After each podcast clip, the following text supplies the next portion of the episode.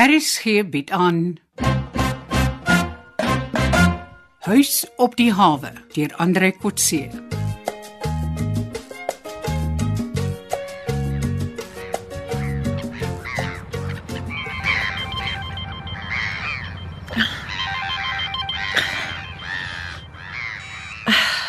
Hallo, Rina wat praat? Rina, het jy dit gereël?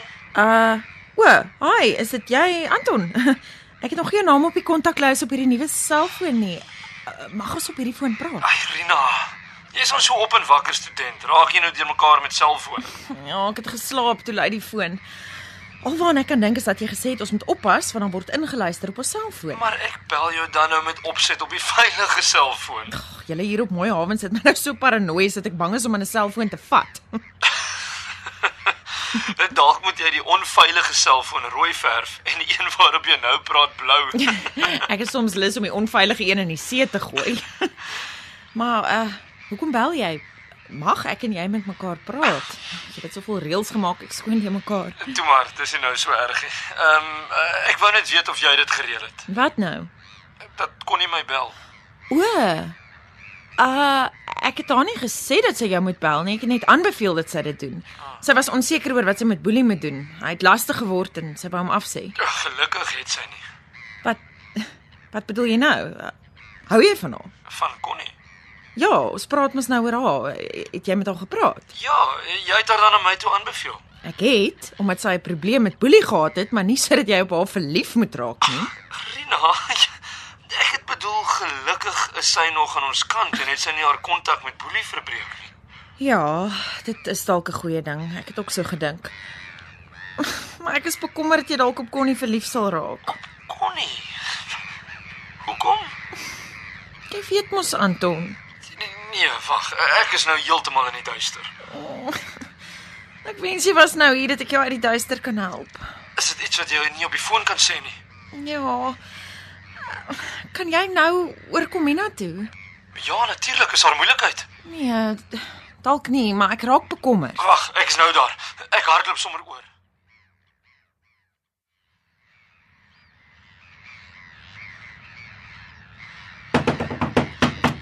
Kom in jy dommie. Ja, kom hier.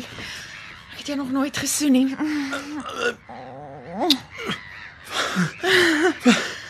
Wat wat het ek gedoen om dit te verdien? Ek ek het gekom vir moeilikheid en en, en nou hierdie soen. Ah, jy praat te veel en ons soen te min. Ah, dit is wonderlik, maar maar hoekom nou, Rina? Ek het net skielik bekommerd geraak. Ek het jou nog nooit gewys nie W- Wat gewys nie. dat ek jou liefhet. Maar maar ons mag mos nie. Maar ons niks wat haar keer nie. Wie? Connie. En ek het skielik bang geraak. Ek stuur haar na jou toe en ek het nog nooit vir jou gewys nie. Ag, Daai simpel ooreenkoms het ons jare terug gesit. Watter ooreenkoms? Die een tussen my en jou en Japie wat ons twee uitmekaar uithou. Dit darm nie jare nie. Die ooreenkoms is maar 3 weke oud. Ja, wel dis 'n simpel ooreenkoms. Ek wil saam met jou dinge doen. See toe gaan. Ek wil weer saam gaan draf. Saam jag maak op die stroopers en en jou soen wanneer ek wil. En in plaas daarvan gee ek jou weg vir Connie. Sy is so mooi. Het sy al so gesoen? Nee, moenie laf wees nie. Ons het oor boelie gepraat. Niemand niemand het my ooit so gesoen nie of sal weer nie. Kom eers hier. Kom sit hier langs my. Ons kan later praat oor daai bose ooreenkoms.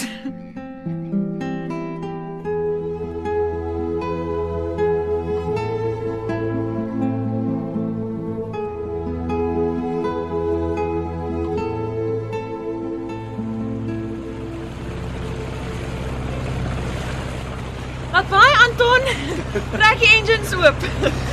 So wat sê Nigel nou dat hy nie vandag saamkom nie? Ag nee, niks. Hy weet die weer is sleg. Ah. Dis nie juist vir hom 'n plesier om in die wind en weer see toe te kom nie. Vir my ook gewoonlik nie, maar maar dis net jy wat daarop aandring en vandag is anders. Ek moes net weer saam met jou op die see kom. Ek gaan nie regtig duik nie. Dit gaan net nou daaroor om dit wat ons gemis het weer te voel. Oh, die hawe owerheid het gedink ons is mal. O, oh, miskien is ons mos lekker om mal te wees. Ja.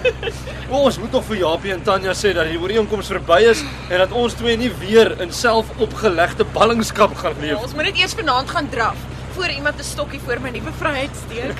Ek hoop jy geniet jou vrede net omdat dit verbode is nie. Ah, Jy lyk soos 'n stout kind wat besig is om lekker goed te steel. nee. Maar ons moet dit uitklaar. Sommige vanaand. Ja. Ek dink Japie sal verstaan. Ek weet nie van my tannie nie. Sy het nog nooit ontken dat sy 'n spesiale gevoel vir jou het nie. Dalk raak sy nou jaloers op my. Ek het nooit geweet jaloesie kan so sterk wees nie. Tanya, op jou. Nooit as te nimmer nie. Ek dink as sy probleme het, sal dit wees dat ek te oud vir jou is en vir jou uit die studie sal hou. Dink jy jy's te oud vir my? Nee. Ek dink jy is verantwoordelik en as dit kom by verhoudings dalk meer volwasse as ek. Ek het nie geweet dit is so lekker om te soen nie. Waar het jy dit geleer? Dit kom nie met oefening nie. Dit kom saam met suiwer liefde.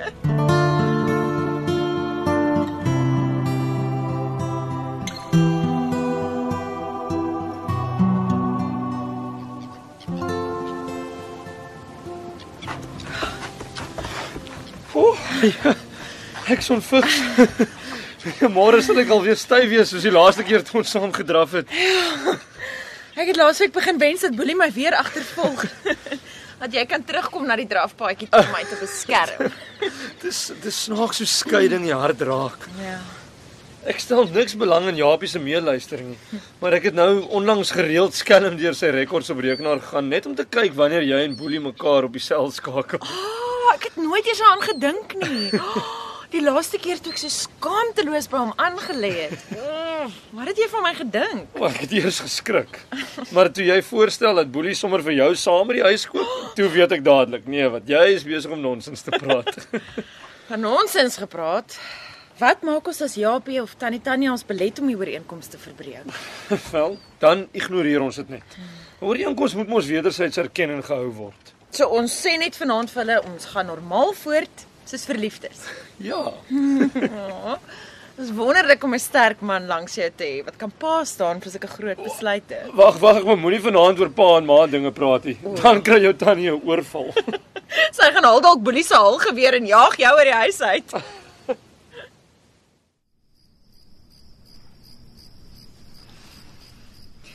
Welkom in die huis, Anton, Japie. Nou Turina, jy het gevra ons moet hier in my kantoor bymekaar kom. Vertel vir ons, wat het Boelie nou weer gedoen? Of waarvoor is ons hier? Wat is die nuutste? Dis nie so ingewikkeld nie. Um Ons het 'n paar weke gelede hier in hierdie kantoor tot 'n vergelyk gekom dat ons die vrede tussen Anton en Japie wil bewaar. Ja, jy sien hulle mos net as jy hulle vir werk nodig het. Niks se gevryery op my skof nie. Wel, um ons wil die reëling verander. Anton, jy kan verduidelik. Ehm ja, eh, ek ken Rina wil vra dat um, ons vrygestel word van die ooreenkoms. Ons het uitgevind dat ons hopeloos verlief op mekaar is en dat dit nie iets is wat ons kan of wil wegsteek nie en dat ons nuwe verhouding natuurlik moet ontwikkel, jy weet sonder beperkings. Hmm, dis nie eintlik iets waarby ek betrokke moet wees nie. Ek het laas keer maar op Rina se versoek as fasiliteerder opgetree en toe so ooreenkoms voorgestel. En dit lyk vir my dis 'n saak tussen die twee broers. So ek wil vra dat julle dit self moet uitsorg. Uh, nee, w- uh, wag tannie, um moenie gaan nie. Ek wil voor jou en Anton vir Japie om verskoning vra omdat ek die reëling wil kanselleer. Japie, ek is jammer as ek die indruk geskep het dat daar moontlik in die toekoms 'n verhouding tussen my en jou kan ontwikkel. Ja. O, oh, Rina, jy vang my onkant. Ja. Ek sien ek ek het oor die laaste dae skielik besef dat ek vir Anton alleen liefhet. Met 'n groot liefde en dat dit nie sommer sal verander nie. Tanya, ons ons waardeer die moeite om die situasie van destyds tydelik op te los, maar Ja. ja. maar die ooreenkoms kan nie verder voortgaan nie. Ons wil dit ook eensydig verander nie. J- Julle twee moet daarvan weet. Ah, Japie, dit lyk my nie asof ek en jy verdere keuse het nie. Ek kan jou ongelukkig geen hulp aanbied nie. Ek hoop jy en Anton sal in vrede regkom. Ja, ja. O, oh, dit kom vir my as 'n skok. Ja, baie om dit te ontken nie. Uh, maar dit sal ook nie help om nou my dienste te onttrek of of of dikbek weg te loop nie. Uh Dalk moet ek maar weer probeer studeer. Ehm um, en en intussen sal ek voortgaan om te help waar ek kan met die stryd teen die smokkelaars. Uh Anton, ek waardeer die akkommodasie en die finansiële die Natuurlik. die hulp wat jy vir my gee. Natuurlik, Japie. Natuurlik. Daar's nie sprake van verhuising nie. Almal bly waar ons is. Ek en Rina dink nog nie aan trou nie. Speak for yourself. Ek dog jy het al die ring gekoop. Rina, jy sal vir jare nog geen ring aan jou vinger kry nie. Daar's nog studies, in werk, in studieskuld. Ag, toe maar tannie, ek maak 'n grap.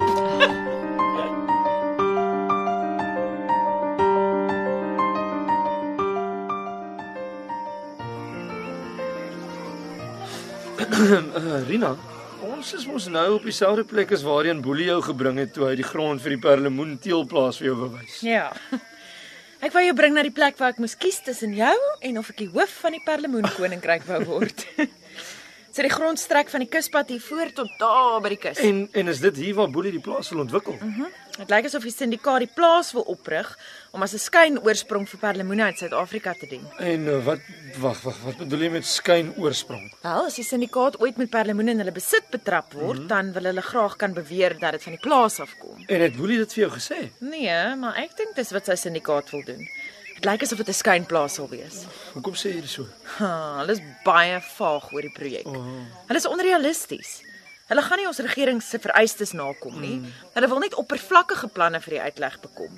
Dalk sal die geboue, damme en die pype ook fop infrastruktuur wees. Dit lyk asof hulle selfs hulle eie syndikaat leiers 'n rad voor die oë wil draai. Hoe so? Onthou jy, ek het vir jou vertel van 'n verhandeling wat ek in my tweede jaar moes inhandig oor so 'n teelplaas. Ja, ja, ja, jy het nog onderskeiding vir die taak gekry. Mm. Dis 'n eenvoudige dokument wat ek uit biblioteekbronne en die internet saamgestel het, sonder enige oorspronklike navorsing. Jy ja, jy het my nog gewys. Dit was baie baie netjies. Dankie. Wel, Boelie het 'n fotostaat gemaak van 'n aanhegsel by my verhandeling. Hy het dit vir een van sy Chinese vennote gewys en nou wil hy die hele verhandeling by my hê. En jy wou dit toe nie vir hom gee nie. Nee, hy wou dit by my koop vir duisende Amerikaanse dollars. Wat? Hoekom verkoop jy nie maar die ding nie? Want dit sal neerkom op 'n drog. Hoekom? Dis 'n sketsplan wat ek geteken het om die onderdele van so 'n plaas te skets. Dis nie op skaal nie en is heeltemal onbruikbaar. As ek die geld aanvaar, kan ek vervolg word. Hulle wil 'n voorgraadse akademiese taak as 'n argitek se sketsplan vir 'n werklike ontwikkeling gebruik. Ja, ja, ek verstaan. Maar dalk selfs vir 'n besigheidsplan om geld teen te leen. Mm -hmm. Dis amper soos om aspirien te verkoop as antibiotika. En die ergste is, hulle weet dit. Wie wil hulle bedrieg?